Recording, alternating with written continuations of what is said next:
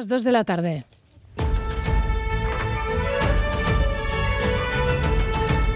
Crónica de Euskadi con Aichiber Bilbao. A Rachaldeón Gustio y el acuerdo para investir a Pedro Sánchez como presidente del Gobierno de España está siendo más complicado de lo que los propios actores esperaban. No es un secreto, Sánchez hace mucho que no exhibe su habitual positivismo, pero hoy nos lo ha confirmado alguien que habla con los principales actores, el presidente del Partido Nacionalista Vasco, Antonio Ortuzar, que no descarta incluso un acuerdo in extremis. Amén de las transferencias pendientes ya acordadas, los yelchales quieren el reconocimiento de Euskadi como nación. Un acuerdo y una investidura que se va a conseguir sobre la bocina. Pedro Sánchez y su equipo se van a tener que fajar mucho. Euskadi, que tiene todos los atributos para constituirse y reconocerse como nación, es el momento de empezar a hablar de ello. Enfado hoy entre los más de mil opositores eh, a pruebas de administración y gestión de Osakidecha hoy en Gasteiz que han empezado su examen hora y media larga más tarde. Ha habido un incidente en la impresión de los exámenes sobre los que lógicamente hay un gran celo. Osakidecha lamenta lo que ha ocurrido.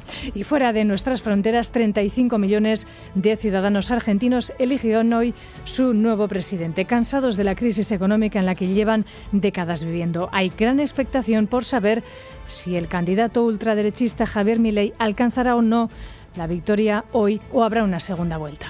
Hizo comentarios últimamente que no estuvieron buenos. Niega la dictadura y un montón de cosas que yo no lo comparto para nada. O sea, no hay que permitir que una persona así llegue al poder. La gente dice, bueno, ya esto nos hundieron y bueno, no le vamos a dar de poder de nuevo para que nos terminen de hundir. Vamos a darle a otro. Ninguno de los candidatos eh, me parece que vaya a poder solucionar mucho las cosas. Ninguno me inspira mucha confianza.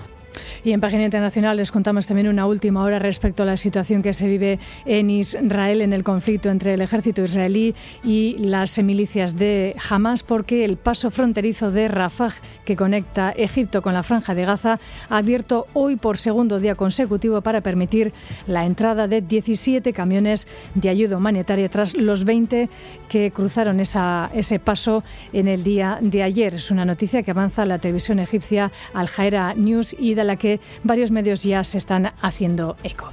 Y volviendo a casa, la localidad vizcaína de Balmaseda recuerda el incendio que mañana hará un año en plenas fiestas a solo 500 hectáreas de bosque en la localidad. Azuzado por vientos de más de 100 kilómetros por hora, no hubo daños personales, pero sí grandísimas pérdidas materiales. Fueron unas horas muy intensas porque en la primera parte del incendio en esas tres, cuatro primeras horas se quemó casi el 80% de toda la superficie. La intensidad era muy fuerte, eran rachas de viento de 120 kilómetros hora, proyectaban material incandescente y generaba pequeños eh, incendios secundarios. Ya agarró la casa con ese viento, imagínate cómo tira, cómo tira todo. Aunque haya un millón de bomberos, eh, no hay quien pare eso. Con ese viento no hay quien lo pare. Es que no, no hay quien lo pare. John Zubieta, Rachaldeón, titulares de la actualidad deportiva, cuéntanos. Hola, Rachaldeón, el Athletic se ha impuesto por 2 a 1 a la Real Sociedad en el derby disputado hace unos minutos en Lezama. Se adelantó a la Real por mediación de Izaguirre en el minuto 41 y poco después ha igualado a Azcona. El segundo gol rojiblanco ha llegado en los últimos minutos gracias a Mefaga. En baloncesto, el Bilbao Basket pierde ante el Barcelona por 81-72 y el Vasconia se tiene que redimir esta tarde ante el Unicaja después de sus decepciones europeas. Además, el GBC se ha medido esta mañana al olvido con resultado favorable de 81-86. Más fútbol, en primera división a la vez intentará el asalto del Estadio de la Cerámica y poco después el Atlético intentará también imponerse en Montjuic ante un Barça con numerosas bajas. Valverde recupera a Ruiz de Galarreta en pelota, Altuna y Peña cruzan sus caminos en el Astelena de Ibar dentro del campeonato del 4 y medio. Un par de apuntes para finalizar, el referido al cross de Sorrocha, victoria de Amibao en mujeres y de Bicumán en hombres y además ha iniciado el circuito vasco de ciclocross, ha sido en Tolosa con triunfo de Diego Ruiz de Arcaute.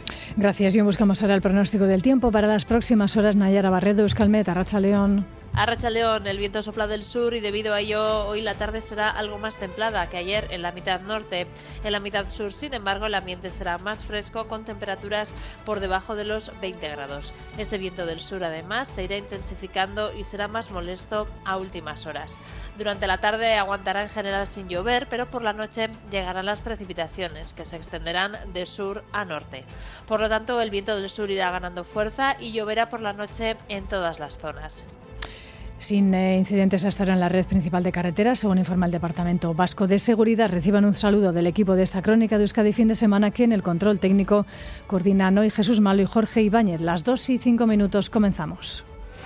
Crónica de Euskadi con Aichiber Bilbao.